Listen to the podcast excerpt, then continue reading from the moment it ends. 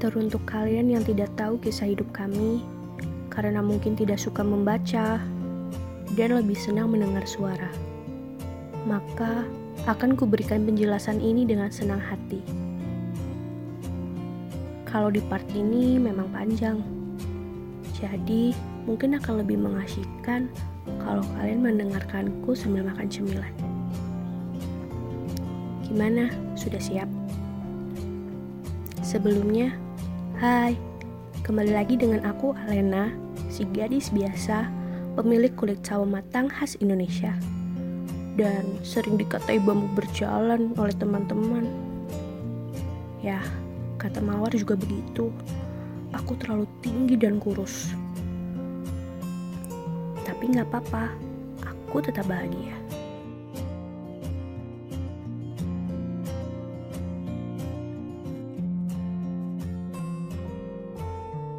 Beberapa hari setelah kejadian aku dipermalukan Valen, hidupku jadi berbeda. Karena sepanjang aku melangkahkan kaki, para penghuni sekolah saling berbisik dan menertawai. Dalam hati aku jadi bertanya, apakah seberpengaruh itu tiap kali menjadi korban dari sasaran Valen untuk berbuat tindak keusilan?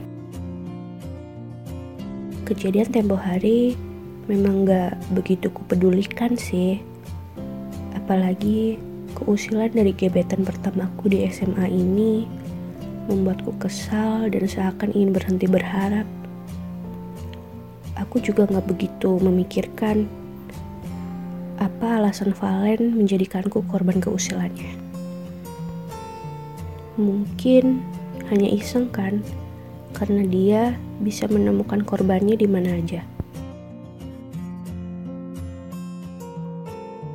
Apalagi saat kudapati tragedi seorang guru berbadan gempal yang keluar dari salah satu kelas dalam keadaan berlari dan seperti hendak menangis. Asumsiku langsung terarah bahwa Valen adalah pelakunya. Kalau ke guru aja, dia berani begitu. Apalagi ke aku yang bukan siapa-siapa. Dan jawaban atas asumsiku rupanya memang benar adanya. Salah satu orang di gerombolan murid yang keluar dari kelas tersebut berceletuk. Emangnya Valen gak takut kena hukuman ya?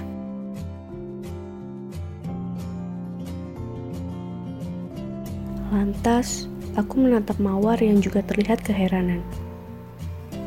Di pagi menuju siang hari ini, aku mendapatkan dua fakta yang nyata. Pertama, Valen adalah penghuni dari kelas 11 IPS 2. Kemudian, fakta yang kedua, keusilan Valen memang udah paripurna. Nggak pandang bulu siapa yang jadi korbannya.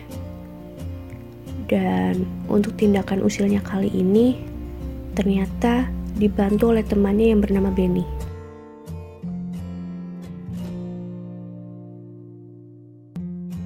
Mawar yang sempat keheranan ikut terbahak seperti beberapa murid penghuni kelas pelaku tersebut. Aku jadi mendengus dan mengingatkannya supaya nggak ikut menertawai nasib si guru malang itu. Tapi nasihatku disangkal cepat olehnya. Dengan pengakuan kuat bahwa guru yang dikerjai Valen itu memang pantas mendapatkannya. Karena kalau ngajar itu Suaranya pelan banget, bikin ngantuk. Tapi sekalinya murid sekelas pada ngantuk, beliau marah dan ngomel-ngomel. Kalau memberi tugas, juga seabrek. Dan kalau ulangan harian selalu dadakan kayak goreng tahu bulat. Sekalinya ada murid ketahuan nyontek, beliau minta lembar jawabnya lalu menarik kerah baju bagian belakang muridnya dan memberi hukuman keliling lapangan. Celotehan Mawar yang begitu detail menjelaskan perihal guru tersebut membuatku bergidik ngeri. Apalagi rumornya, guru jurusan IPS itu nanti bakal ngajar aku di kelas 11. Aduh, mati aku.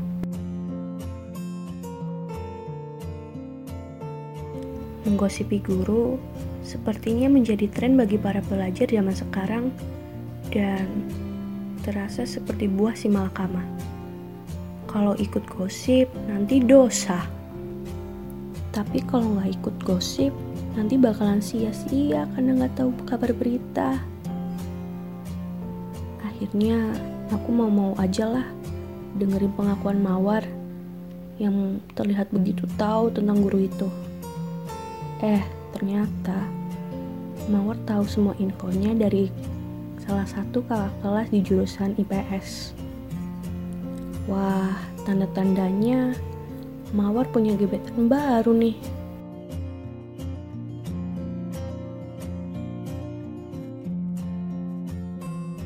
Gak terasa, kami tiba di kantin yang keadaannya masih sepi. Lumayan, kalau pesan makanan gak harus menunggu lama.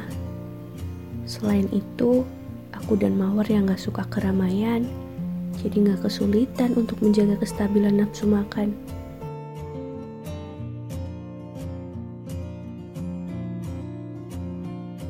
Di tengah kami sedang menikmati makanan masing-masing, aku dengan nasi goreng dan es tehku, sedangkan Mawar dengan bakso dan es jeruk kecutnya. Mawar kembali bertanya padaku perihal Valen. Bagaimana tentang kekagumanku? Lantas, ku jawab bahwa rasa sukaku padanya mulai berkurang. Sebab keusilannya padaku kala itu membuatku jadi diperhatikan banyak orang. Ya, meski aku nggak munafik sih, ada sedikit rasa senang di sana karena sang gebetan menganggapku ada di dunia. Setelah berkeluh kesah tentang Valen yang begitu nyebelin, Mawar menyangka lagi pendapatku yang ingin berhenti saja menyukainya. Dengan alasan Gak apa-apa diusili dan mengundang banyak perhatian serta tawaan.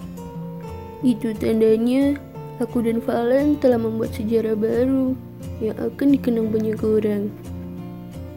Ah, aku jadi kesal. Lama-lama, Mawar juga gak kalah ngeselin kayak Valen. Tapi bukan Mawar namanya kalau dia gak bisa membuat aku jadi tertarik dengan topik pembahasannya. War ternyata tahu banyak hal lain tentang keusilan Valen. Seperti pernah menaikkan anjing tetangga ke atas pohon sampai pemiliknya bingung mencari-cari. Hanya karena alasannya dia dibuat kaget oleh lolongan anjing tersebut saat dia pulang malam-malam ke rumah. Kemudian, motor salah satu guru dia pindahkan tempat parkirnya ke tengah lapangan. Hanya karena sang guru salah sasaran menghukum.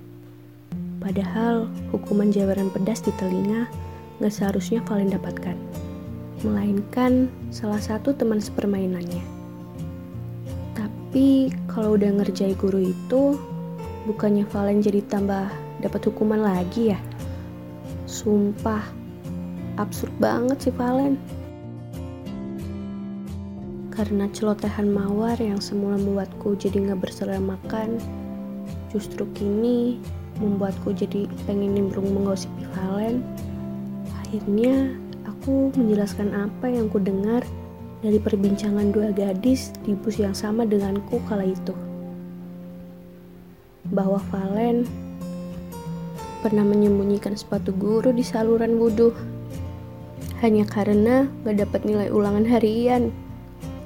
Alhasil kami berdua terbahak. Dan begitu semangat mengatai bahwa Valen ekstrim banget kelakuannya. Tapi lagi-lagi Mawar menyindirku bahwa bukannya aku masih tetap suka kan? Ah, udahlah, nggak tahu. Nggak jelas dengan perasaanku. Pokoknya Valen ngeselin. Begitu pekiku untuk membalas sindiran Mawar. Namun tiba-tiba ada suara lelaki terdengar di telinga. Ngeselin apa ngening? Dengan disertai Sisi kosong di bangku yang kududuki jadi tiba-tiba berat. Dengan perlahan namun pasti, aku menengok ke arah kiri. aku dibuat tersedak karena ulahnya. Kalian pada ngomongin aku ya? Valen, di sebelahku ini benar-benar Valen cowok bermata sipit itu bicara lagi padaku dengan cara menatapiku dan mawar secara bergantian. Selang gak lama, dia naikin alisnya, genit-genit gitu. Seakan aku tahu bahwa dia di dalam hati lagi ngomong. Lumayan nih, dapat hiburan baru. Awas lo, hati-hati nanti jatuh cinta sama aku. Dia ngomong lagi. Dengan kali ini disertai gerakan menolak daguku. Kemudian tersenyum sepintas dan pergi gitu aja dari hadapanku dan mawar. Ah, udah-udah, aku bener-bener gak kuat. Cowok itu kutandai bahwa sosok yang suka bikin baper orang. Tapi nggak tahu deh nantinya bakal tanggung jawab apa enggak. Aku yang punya hobi ngelamun, mendapat perlakuan sedemikian rupa dari Valen. Sepertinya kali ini lamunanku bisa dinilai sebagai orang ayan. Sumpah, dia tuh bikin sistem dalam otakku tiba-tiba jadi blank gini.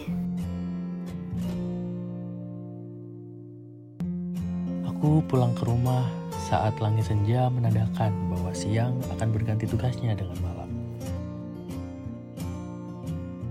Setelah memakirkan kuda besi metik milikku di halaman rumah, dengan semangat aku memasuki tempat tinggal ternyamanku ini. Ya, tentu saja dengan tujuan utama adalah dapur, tempat yang seperti pulau harta karun bagiku. Karena di sana aku bisa mendapatkan makanan secara cuma-cuma. Karena di sana juga aku bisa nyomot makanan tanpa harus diomelin oleh pemasaknya. Dan karena di sana aku bisa menikmati makanan terlezat di dunia, yaitu makanan buatan mama. Benar saja, ada menu kesukaanku tersuguh dengan indahnya. Ya, risol ayam dengan secepat kilat, aku menyambar makanan berbentuk kotak itu dengan isi potongan sayur, daging ayam, dan juga sambal dengan perasa daun jeruk. Sambil makan, aku ngomong gak jelas ke mama. Mau, tadi aku baru usilin Bu Mega. Lalu seketika mama mengomel sambil mengelap sudut bibirku dan mengingatanku soal perlakuan burukku nanti pasti akan mendapatkan karma. Menurutku, nggak apa-apa dipanggil guru BK. Karena kalau aku nggak berbuat usil, guru BK pun nggak ada kerjaan. Dan ruang kerjanya pun pasti bakal jadi sepi dan nggak berpenghuni. Bukannya mengundang tawa, mama dan para pekerjanya justru malah bikin mama melempar lap bau miliknya sampai mengenai mukaku. Untung sayang, untung dia mamaku. Jadinya setelah diperingati bakalan dipotong lagi burung keramatku. aku menyangka lagi ucapannya. Kalau burungku dipotong, aku jadi gak bisa hamilin anak orang dong. Dan setelah itu, yang ku dapatkan teriakan si mama menggelegar ke seluruh penjuru ruangan. yang membuatku jadi lari tunggang langgang. Tapi, baru beberapa meter meninggalkan dapur, aku kembali lagi ke ruangan itu sambil mengatakan, Tapi mah, kalau aku bikin anak orang baper nggak apa-apa kan? Dengan tatapan sendu, mama bahas masalah karma lagi. Jadinya ku balas saja ucapan mama dengan tatapan memelasku. Ya, Ma, cuma main-main doang kok. Bentar ya. Dan seketika itu mama akhirnya pasrah. Ya, bukan Valen namanya. Kalau nggak bisa mendapatkan apa yang dia inginkan. oh iya, kalian sudah kenal sama aku belum? Kalau belum, kenalin. Aku Valen, anak kesayangan mama yang hobi makan di sol ayam. Meski aku menyebalkan, mama selalu membanggakanku. Karena aku bisa bikin pegawainya tertawa. Sudah, segitu aja dulu ya. Gak usah kalian banyak tanya, nanti malah jadi jatuh cinta.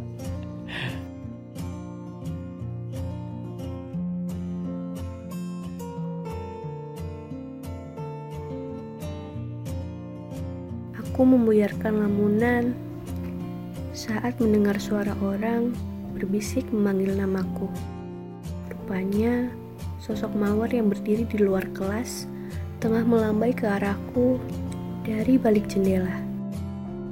Untung aja tempat dudukku ada di pojok belakang.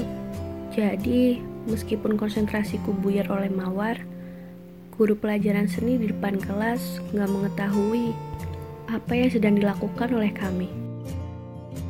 Tadinya, aku nggak berniat meninggalkan pelajaran kesukaanku ini. Tapi mengingat Mawar adalah sosok yang selalu datang membawa kabar menyenangkan, akhirnya aku mengalah dan akhirnya keluar kelas dan akhirnya aku izin dan akhirnya hehe kami berdiri di depan balkon suatu kelas untuk menyaksikan suatu pemandangan di lapangan. Di sana terlihat dengan nyata bahwa Valen tengah mengaduh karena dijewer oleh guru wanita berbadan kempal yang rupanya tempo hari dikerjai oleh lelaki itu. Lalu gak lama setelah itu, lelaki berbadan jangkung dengan poni depannya yang acak-acakan, namun mulai basah karena keringat, menjalani hukuman yang telah diberikan, berupa lari keliling lapangan. Dan hal seperti ini seakan biasa jadi tontonan gratis bagi kebanyakan penghuni sekolah. Ada yang nangkring di balkon depan kelas seperti aku dan Mawar. Ada juga yang nangkring di atas motor di parkiran masing-masing kelas. Ada yang terbahak, ada pula yang menyemangati lelaki itu. Hal ini tentu saja mengundang Valen untuk bergaya narsis. Berupa melambaikan tangan tiap kali melewati kelas yang ramai oleh orang. Maupun memberi kisbah yang mungkin keren baginya, tapi padahal menjijikan.